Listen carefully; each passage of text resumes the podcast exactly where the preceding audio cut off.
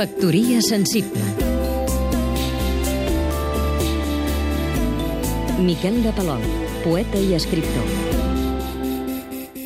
Entre els anys 60 i els 70 del segle passat era viva la polèmica sobre el que aleshores se'n deia el compromís de l'artista i de l'intel·lectual, que tot i que es manifestava en múltiples facetes, cívic, social, polític, ideològic, al cap i a la fi era una sola cosa.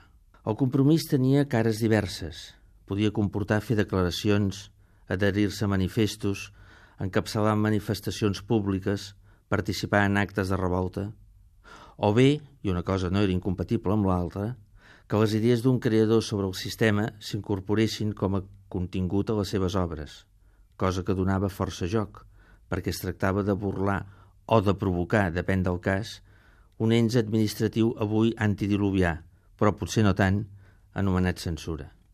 El compromís com a argument era el gran objecte de debat, perquè més tenia, té, múltiples graus de literalitat i subtilesa, des del pamflet fins a l'obra en clau per iniciats.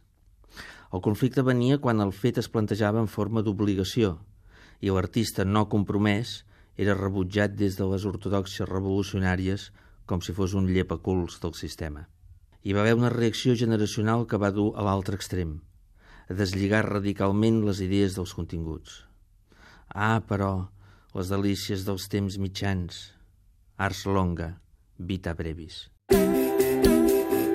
Factoria sensible Seguim-nos també a catradio.cat